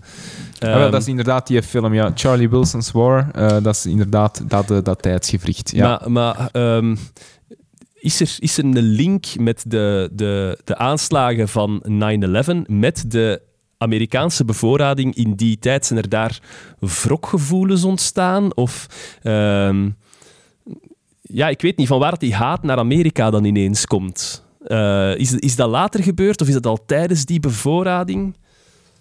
Nee, ik denk op dat moment... ehm, niet, hè. Dat er, dat er geen haat was. Allee, of ja... eh, nee, ik denk dat dat toen echt wel bondgenoten waren. Bondgenoten met gewoon een gemeenschappelijk doel. Eh, dus de haatgevoelens, die komen er, die komen er pas later wanneer men... eh, natuurlijk, allee, dit is ook wel... Het sponsoren van is ook ergens in een imperialistische... eh, een imperialistisch gedachtegoed. Maar ja, nee, ik denk die haatgevoelens komen, komen, pas, komen pas later. Allee, ook de Taliban... eh, dat is, het, begin, het begint daar wel, eh, de Taliban. Maar op dat moment is dat denk ik nog niet, nog niet echt aanwezig. Ook omdat de Amerikanen er nog niet ja, zo eh, ostentatief aanwezig zijn op dat moment. Allee, dus ze sponsoren wel, hè, dus dat begint wel. Hè, het begint daar, maar ik denk op dat moment, of zeker daarvoor en op dat moment, dat het nog niet zo echt leefde zoals het in, Iran bijvoorbeeld wel leefde. Hè. Ehm, dat anti-Amerikanisme. Ik denk dat dat daar, ja, dat is een goede vraag ook. Ehm, maar ik denk dat dat daar minder, minder, uh, minder leefde. Maar het is inderdaad wel, ja, dat, dat bepaalde delen van de Mujahideen, uh, of wat, van, van de, de, de, groepen die dan uh, actief zijn, uh, ja, sommigen denk ik dan uiteindelijk wel mee gaan strijden met de Taliban. Allee, dat durf ik nu niet 100% te zeggen, maar okay. ik denk inderdaad Osama Bin Laden dat daar op dat moment ook ergens wel rondloopt als, als, aan het strijden. Als gesponsorde van Amerika. Ja, ja allee, nogmaals, ik durf het niet met 100% zekerheid te zeggen, maar ik denk, dat, ik denk dat wel, ja, dat dat een van de... Allee, dat die toen nog in hun kraam paste, hè, dat die een, een, een common cause hadden, hè, in de zin van ah, de communisten verdrijven. En, en die Mujahedin, dus um, had gezegd dat dat een land is van verschillende stammen en van verschillende uh, etniciteiten, maar op dat moment waren die verenigd in... Mujahedin is een overkoepelende naam voor... Wat is, is dat religieuze strijder of is dat een gewone strijder? Uh, ik, denk, ik denk een gewone strijder, ja. Dat is ook weer een... Ik zal het eens opzoeken, Sam Mujahideen. Uh, maar wordt maar vaak inderdaad... vertaald met heilige strijder. Ja, oké. Okay, maar, ah, ja. ja. Uh, maar um, was dat toen zo, zo dogmatisch of was dat eerder tegen de, tegen de, vij, de bezetter, de buitenlandse bezetter, denk je? Ja, ik denk dat het dat tweede was. Hè. Okay. Ehm, dus islam, denk ik, dat was er wel een, een verbindende factor. Uh, maar echt fundamentalistisch. Dat is ook wat Ene beschrijft in die podcast. Uh, Taliban was dat zeker niet hoor. Uh, in de zin van Taliban tegen muziek, tegen foto's. Uh, en er is een journalist die dat beschrijft, dat was bij die Mujahideen zeker niet het geval. Die, die waren zot, die werden zot als ze op de foto mochten. Hè. Die, die lieten zich heel graag fotograferen. Een stuk macho-cultuur waarschijnlijk. Maar, en er was ook muziek. Dus islam, dat was, dat was zeker geen fundamentalisme. Dat was eerder een verbindende factor, uh, maar, maar, maar geen, um, geen fundamentalisme. Nee, nee ik denk uh, dat dat ook wel een belangrijk punt is. dat ik ook ooit eens op een podcast heb gehoord. Uh, dat, dat ik ook wel heel interessant vond. Dat wij uh, vanuit, vanuit Europa, vanuit het Westen, heel sterk geneigd zijn om al die conflicten meteen te gaan enten op het religieuze. Ja, ja. Om daar hè, direct de, uh, dat te gaan lezen.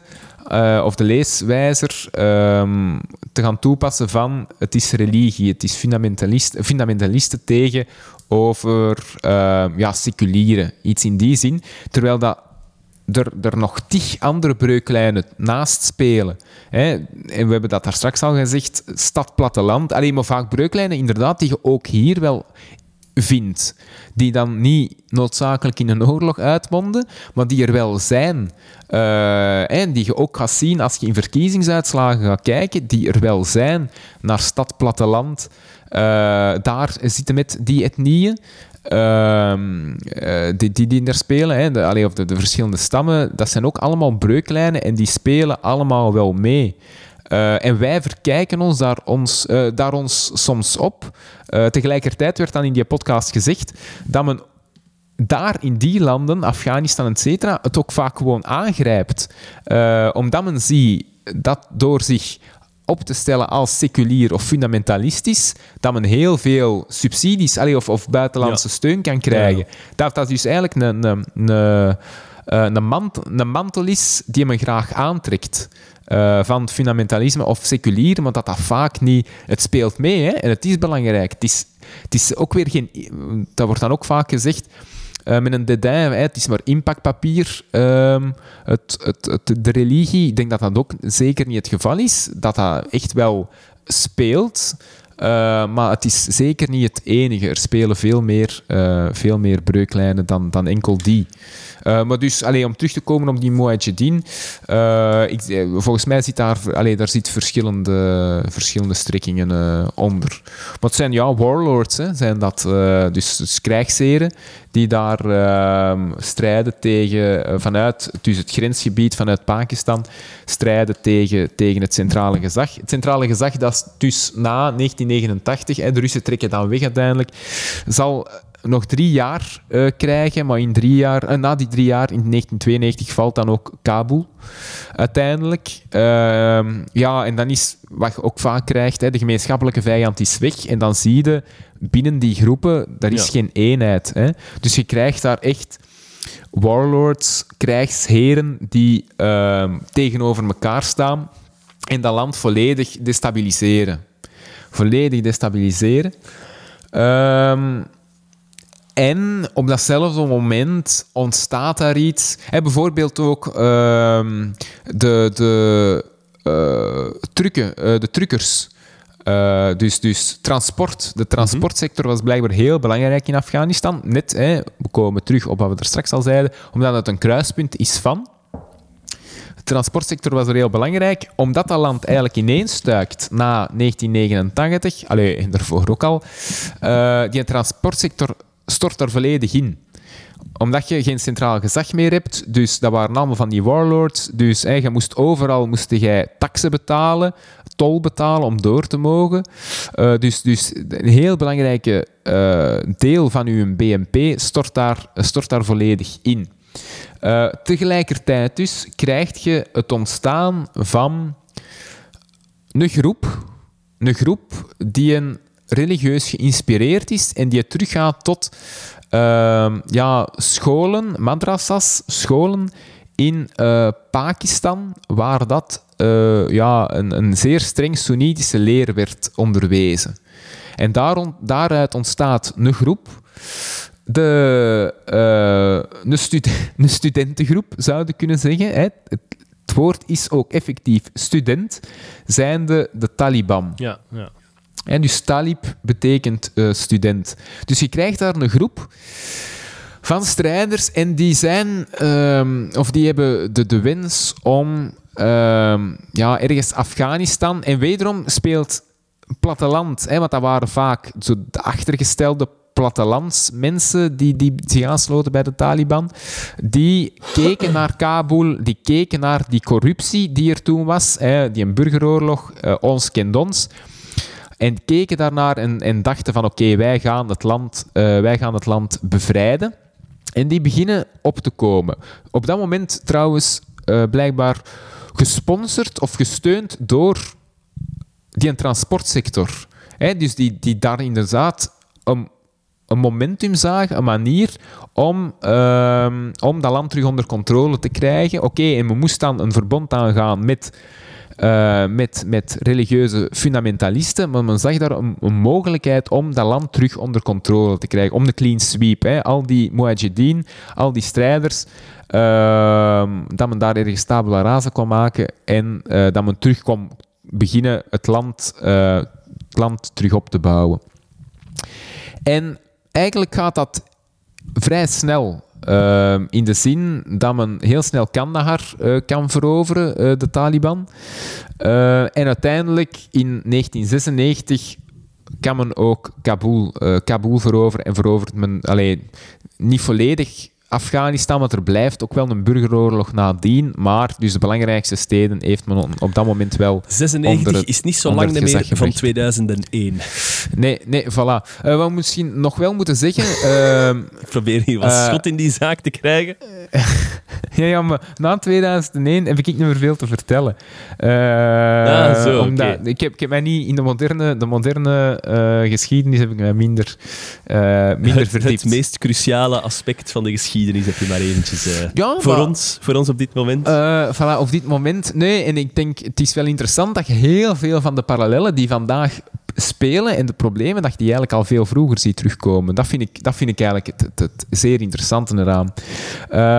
En dus wat nog meer speelde bij die Taliban, waarom dat die eigenlijk vrij populair waren in het begin, was dat ze het verhaal verkondigden, dat ze ook opkwamen tegen de corruptie.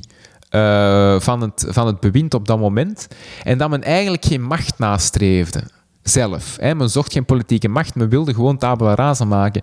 Wat je ook vandaag ziet, hè, als je je zo in de markt kunt zetten, alleen dat is ook wat een Trump deed uiteindelijk, uh, u, u, u kunnen uh, afzetten tegenover de politiek en kunnen zeggen van oké, okay, we gaan drain the swamp of wat dan ook. Dus daar, ja. dat zat daar dan ook wel in. Plus dat er ook ja, uh, iets pervers van die Mujahideen, dat, dat je blijkbaar een Afghaanse traditie, dat er jongens uh, worden ingeschakeld als, als danser. jonge jongens die dan, eh, waarschijnlijk omdat men ergens een dubieuze relatie heeft met vrouwelijke dansers, zeker, dat dat wat moeilijker ligt, dat jonge jongens worden ingeschakeld als danser met, met belletjes, uh, et cetera. Dat zou een Afghaanse traditie zijn, maar dus je krijgt in uh, die, dat moment van die burgeroorlog van die Mujahideen begint dat pedofiele trekjes blijkbaar aan te nemen. En dat er ook echt een schrik is onder de bevolking van... Uh, uh, ja, het gaat onze zoon toch niet zijn. En dat daar ook weer een, een soort van ja, moreel, morele zuiverheid is die de Taliban kan uitdragen in de zin van we gaan daar uh, paal en perk aan stellen. Uh, nee, okay. hè, dat is blijkbaar een wat... Uh, Mullah Omar, denk ik dat een van de eerste leiders is, zeker van, van de Taliban. Die knoopt er zo twee op meteen. Uh, twee van die mannen die dan verdacht werden van pedofiele praktijken, er worden er twee van direct opgeknoopt. Allee, dus men is ergens op die golf, kan men daar wel in het begin veel support uh, vinden voor, voor die Taliban. Uh, minstens op het platteland. Uh, dus we zaten in 96, Kabul valt en uiteraard hey, op een moment krijg je dan 2001. Allee, Al-Qaeda kan daar dan, uh, krijgt daar dan een voet aan de grond, wordt een stuk beschermd door de Taliban. Uh, 2001, 11 september, pats, die, die torens naar beneden. Uh, Amerika vraagt om, om, uh, om, om Osama Bin Laden uit te leveren. Hè. Ze willen dat dan niet, de Taliban, het Taliban-regime. En hè, in 2001 vallen ze dan uh, binnen, de, de Amerikanen. Oh, wacht, je bent een beetje snel gegaan. Taliban, ja, Al-Qaeda, Osama Bin Laden. Ja, maar ja, nee, maar... Uh, ja, oké. Okay. Schot... Wie, wie was Osama Bin Laden? Ja, dat zijn allemaal dingen die, die ik dus niet heb opgezocht. Hè. Die was van Saudi-Arabië. Uh, ja. Hij was dus van een rijke familie in Saudi-Arabië. Ja, en dat is waarschijnlijk 13 stielen, uh, 12 stielen, 13 ongelukken zeker. Hè, dat je er ziet van oké, okay, uh, in Afghanistan, ik ga er mee vechten. Hè, wat je heel vaak in de geschiedenis ook hebt, ik ga er mee vechten tegenover het communisme, het geloof. Dus die, die verstrandt daar op een bepaald moment. En uh, ja, dus... Alweer de Dimitri Bonting. De, de Dimitri Bonting. En die, die radicaliseert daar. Ja, dus binnen dat klimaat uh, van die, die strenge uh, Soenitische islam, die daar dan op dat nee, moment sorry, ontstaat... Sorry, sorry, sorry. Het is niet Dimitri Bonting, het is zijn zoon. Godverdikke, maar hoe weet je Jeroen, de Jeroen. Jeroen, Jeroen. Uh, Jeroen Bonting, ja. ja. ja. binnen, binnen dat fundamentalisme dat daar heerst, ja, kan daar een, een, een, een fundamentalistische groep uh, ontstaat daar, Al-Qaeda, die zich afzet tegenover ja, uh, het perverse westerse denken. Uh, en, en ja, uh, begint te denken aan, aan aanslagen. Hè? Terroristische aanslagen in, eh, in het Westen. Nu, die ontstaansgeschiedenis van Al-Qaeda. Meer nee, weet nee, ik oké, okay, maar waarom, waarom zegt de Taliban van nee, je mocht die niet hebben? Ja, dat is een goede vraag. dat is een goede vraag. Ja, maar dat is wel het startschot van de invasie. Ja, ja Allee, ik weet het. Ja, um, ja maar uiteindelijk denk ik dat ze dan uh, wel inbinden. Als een Amerikaan dan binnenvalt, dat ze dan op een bepaald moment wel akkoord willen gaan met het uh, uh, afstaan van, van Osama Bin Laden. maar dan is het al te laat natuurlijk. Dan is hem al weg. ja, oké, okay, en dan de Amerikanen staan er al. Dus... Uh, maar, maar ja, hoe komt dat dat ze die niet willen afgeven? Ik denk een stuk wel ja, dat fundamentalisme dat ergens een verbindende factor is tussen Al-Qaeda en de Taliban. Uh, zonder ja. dat dan de Taliban echt verantwoordelijk was voor die aanslagen van 11 september. Maar ja, dat men daar toch ergens ehm, de gemeenschappelijke factor in ziet. Ja, ik denk zoiets. Ik denk zoiets. Oké, de Amerikanen die komen... Ik heb eigenlijk, ik heb eigenlijk een, een, een bredere vraag. De, de Amerikanen komen daartoe in Afghanistan, proberen daar terug een beetje orde op zaken te stellen. Maar alweer hè, uh, stranden ze daar, zoals iedereen, voor en uh, in, in de, onwil om hun systeem over te nemen. Um, maar dan heb ik de bijkomende de vraag. Dus uh, Amerika geeft blijkbaar iets van een 4,4 à 5 procent van zijn budget uit aan het leger. Ik denk ook um, dat dat vrijwel het sterkste leger is ter wereld. Ze, ze stoeven daar ook enorm mee. Um, mm -hmm. En ze zijn ook in heel veel landen actief, maar toch loopt het altijd fout bij die, uh, bij die nation building. Ook al was dat niet zozeer het opzet, maar toch in het bestendige van. Het gaat altijd fout nadien. Uh, de militaire ingreep lukt vrijwel altijd bij de Amerikanen, maar nadien loopt het dan weer al fout. Ja. En leren die dan nooit uit hun, uit hun lessen? Dat... Allee, Ze zijn nog geen twee maanden weg of de Taliban zit alweer ja, ja. over heel Afghanistan.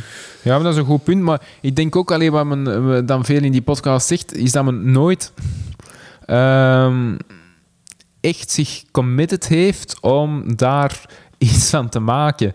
In de zin dat ze, ze waren er een paar maanden, uh, of hoe lang was het? Misschien een klein jaar, en de, de Irak-oorlog begint.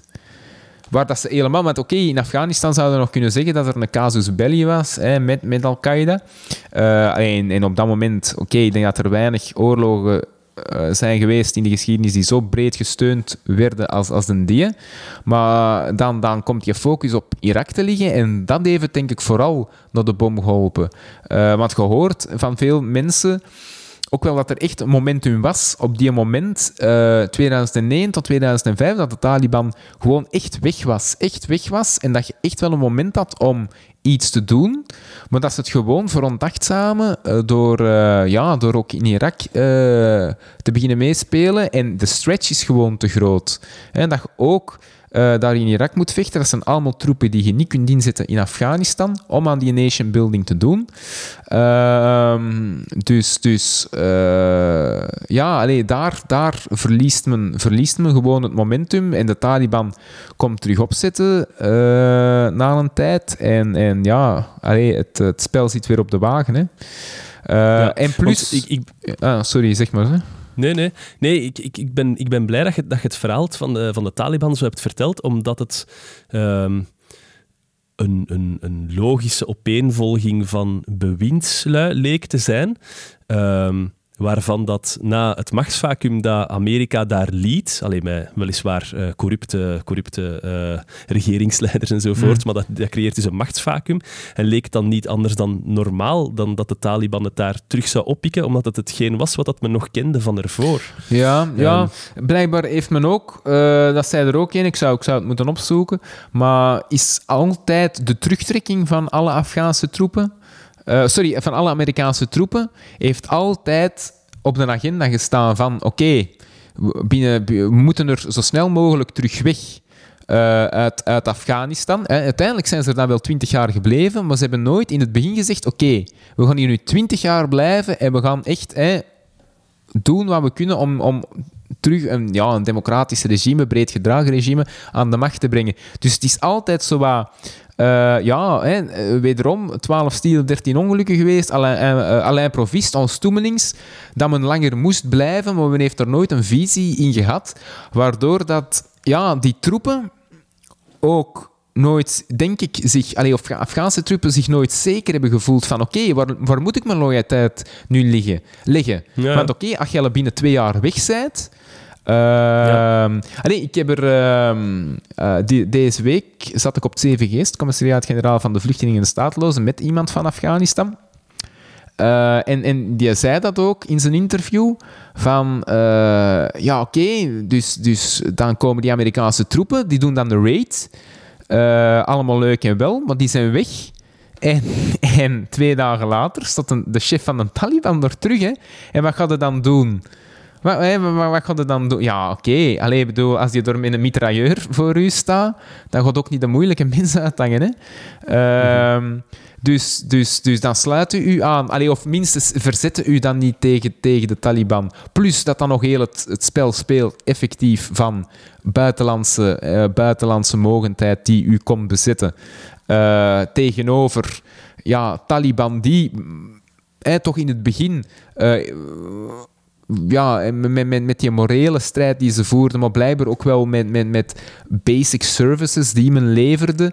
Ehm, eh, dus, dus ook wel wat credibiliteit hebben gewonnen. Dus ehm, men, men heeft het gewoon, denk ik, slecht, eh, slecht aangepakt door, door niet die totaalvisie te hebben en nooit dat bredere spectrum of die lange termijn in het oog, in het oog te houden.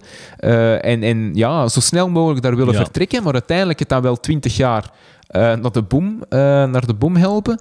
Ja, Eh, ze hebben een korte termijnsvisie op lange termijn uitgespeeld en dat, dat lukt ja, nooit. ja, effectief. Ehm, Wat ook nog... en, en waarschijnlijk ook omdat op het platteland was er helemaal geen... Allee, ik kan dat snappen dat in Kabul nu iedereen zegt van oh, het is echt wel terug naar de Dark Ages, maar dat, dat dat op het platteland... eh, Ja, voilà, dat, is ook, dat is ook weer inderdaad die breuklijn. Hè? Dat is ook weer die breuklijn dat je door met zoveel... Dat is blijkbaar ook wat de Karzai, Hamid Karzai, wordt dan in 2002 aangesteld als, ehm, eh, ik denk op dat moment nog, nog, nog eh, overgangspresident, maar wordt dan verkozen, zal dan tot 2014 eh, zal die ehm, president zijn. Hamid Karzai, en het, het leuke is, eh, de geschiedenis herhaalt zich nooit, maar hè, ze rijmt wel. Eh, Hamid Karzai is de directe afstammeling, het directe achter, achter, achter kleinkind van Durrani. Eh, die ene, Shah Susha Durrani, die door de Engelsen Ah, ja. in de Eerste Anglo-Afghaanse oorlog op de troon wordt geplaatst. En die wordt gezien als marionet, die dus absoluut niet populair is. Hij is daar de directe, afko- de directe afstammeling van. En blijkbaar, hij leest op een bepaald moment, eh je hebt The Return of the King, ehm, eh, dat, is een, dat is een boek over dus die eerste Af- Anglo-Afghaanse oorlog. Hij leest dat op een bepaald moment en hij ziet de fout. En op dat moment is hem zich blijkbaar ehm, eh, onafhankelijker gaan positioneren tegenover Amerika. Eh, en is hem, is hem, eh, hij, hij wou absoluut niet in die val trappen. En heeft hij wel eigenlijk het spel nog kunnen spelen van ja, ergens de kerk in het midden houden, die evenwicht te bewaren. Ehm, en, ehm, en zich ja, dus op een bepaald moment ook afzetten tegen, tegen de Amerikanen. Dat zou ook eh, een van de Wikileaks onthullingen zijn geweest. Dat, ehm, dat er een gesprek eh, van, van Hillary Clinton, of een e-mail van Hillary Clinton, eh, dat die zegt van, hey, wat is die Karzai nu aan het doen? Die is ineens van gedacht veranderd ten aanzien van ons. Uh, allee, of die doet ineens helemaal anders. Blijkbaar had hij die een boek gelezen en had hem ook wel het gevaar gezien. En dat is eigenlijk, ja, allee, eh, daar moeten we geen rocket science voor begrijpen. Dat dat eh, een buitenlandse bezitter overal, hè, hoe, wij nog altijd kijken naar de Spaanse periode, eh, hier, hier in, in, in, België of in Vlaanderen of in Antwerpen, dat is ook altijd niet met, met de grootste liefde. Eh, dus een buitenlandse bezitter, dat, dat komt gewoon slecht. Dat is heel slecht in public relations. Dus die heeft al daar dan geprobeerd om zich altijd af te zetten ook het nodige respect te bewaren tegenover eh, al de stammen. Hè. Als er eens een stam, alleen een leider van een bepaalde stam eh, naar hem kwam, om die altijd eh, met respect te behandelen. Die, die verstond het spel, die Hamid Karzai, blijkbaar. Nadien, de, de president die nadien kwam, de Ashraf Ghani, ehm, dat is blijkbaar een hele... Die, die, die is nu enkele maanden geleden is gevlucht. Dat was een hele competente mens, gestudeerd in, in de westerse universiteiten, de topuniversiteiten, maar die begreep dat blijkbaar ook niet. Ehm, en die, die, die behandelde bijvoorbeeld, allee, die, liet, die liet stammenhoofden wachten. Eh, als ze dan kwamen, hè, dan moest het oké, ik heb maar 10 minuten tijd voor u. Wa- wa- waarschijnlijk in, het, in, in, in, Belgische, in de Belgische overheid komt er wel mee weg, vermoed ik, eh, om dat te doen. Maar daar is dat natuurlijk een gebrek aan respect. Dus eh, ja, wederom, het is gewoon niet goed gemanaged. Ehm, de, de, de, de gevoeligheden, de breuklijnen gevoeligheden die daar, eh, die daar waren, daar is geen rekening of on- onvoldoende rekening mee gehouden of geen rekening mee, eh, mee gehouden. Ehm, en, en uiteindelijk, ja, eh, als je dan vertrekt, ja, als je niks achterlaat, je hebt niks ehm, bestendig achtergelaten, dan implodeert dat als een, als een kaartenhuis. Hè. Dus ja, om, om- Vier uur later, ja ik, ik ben het ook aan het zien. We zijn echt We vier zijn uur aan het vier opnemen. uur later. Dat, is, dat is crimineel eigenlijk. Dat is crimineel. Dat is al bijna even lang als een aflevering van mij gedacht. Ja. Een podcast waarin drie vrienden afleveringen van FC de Kampioenen eh, bespreken. Je moet dat echt zien, dat is echt goed. Maar als we dat nu gewoon eens, als we dat nu gewoon eens beginnen doen. Afleveringen van vier uur. Ah, nee, afle- Ja, afleveringen van FC de Kampioenen maar misschien dan iets anders. De kot, madame. Nee, maar dat, ja, hun, hun concept is blijkbaar wel al nagedaan door andere mensen. Ehm, Ah, ook denk- al. ik denk dat wij goed zitten door gewoon azijn te spuien over eh, het Vlaamse landschap. Ja, ja, dat is wel juist. Dat is wel juist. Ja. Was, was dat duidelijk, Afghanistan? Want anders doe ik het nog eens, hè? Oh, jong. Ehm, nee, het is goed. Het is goed. Ik heb, ik heb een heel duidelijk beeld gekregen. Ja, ik moet wel zeggen... Geografisch weet ik het liggen.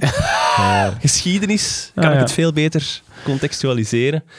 En ehm, ja, over de Twin Towers heb ik niks geleerd. Hè. Maar Nee. dat was ook... Mijn, mijn podcast die ik beluisterd heb, ging Ik ook niet over de echt Twin dat dat Towers. het opzet ging zijn van de aflevering. Ah, We nee. gaan niet leren over de Twin Towers. Ah, Maar dan ah, dat heb ik niet opgezocht. Maar ja, Oh, die nee, Twin Towers, ja, ze hebben daar met Boeings in gezeten. Hè? En dat is, dat is neerges- neergestort, ja. ja. Dat is toch niet interessant? Je had, je had in het begin gezegd dat het ging gaan over de waan van de dag. We zijn twintig jaar en één maand na de aanslagen. Eh, heb ik gezegd de waan van de dag? Ah ja, de Ja. waan van de dag. Ja, ja, omdat Afghanistan kwam toen. Maar in de nogmaals, dus in de podcast die ik luister, was de insteek altijd... Nee, we gaan eens eh, het perspectief vergroten. We gaan eens naar de geschiedenis kijken. Want dat is toch... Ik vind dat, ik weet niet hoe interessant...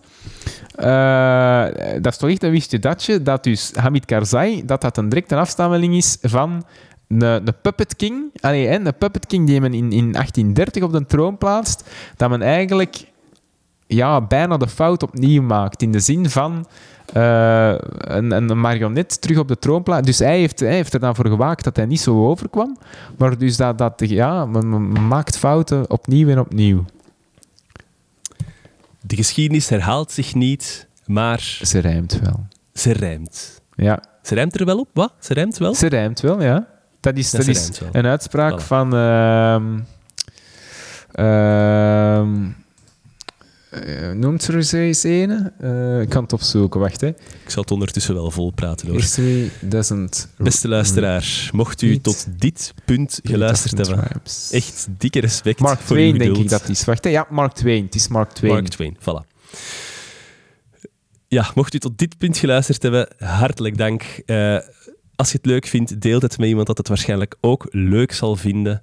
En eh, dan kunnen we alleen maar groeien, hè, PG. Ehm, De volgende keer ga nog- ik het over Ja. en herstel doen. Eh, Ja, eindelijk. ja, eindelijk. Die walen is op hun plaats zetten. Ja, ik beloof het. Ik beloof het. En jij? Heb jij een onderwerp voor volgende keer? Gaan we de volgende keer... iets met eh, Nederland. Ik kan het niet maken om daar twee maanden te zitten en om... Nee, dat is of, over, of over het doctoraatsonderzoek. Hè. Eh, Oei, oei. Als dat zo wat sexy kan inkleden of zo. Ja, ja, Schaarse rechten. Hè? Schaars. Ah. ja. Ja, Ja. je kunt proberen. Je kunt proberen. Is goed. Ja. Is goed. Nee, top. Dan zien we elkaar. Ik, ben- ik ga smatenbollen halen. Het is kermis in dorp. In Kortenberg bedoelde. Ja. Godverdikke. Ja. Ik ik ben jaloers. Wallassen. Smakelijk. En eh, dan gaan wij nog ciao zeggen, zeker? Goed, oké. Iedereen bedankt hè, en tot de volgende keer. Ciao.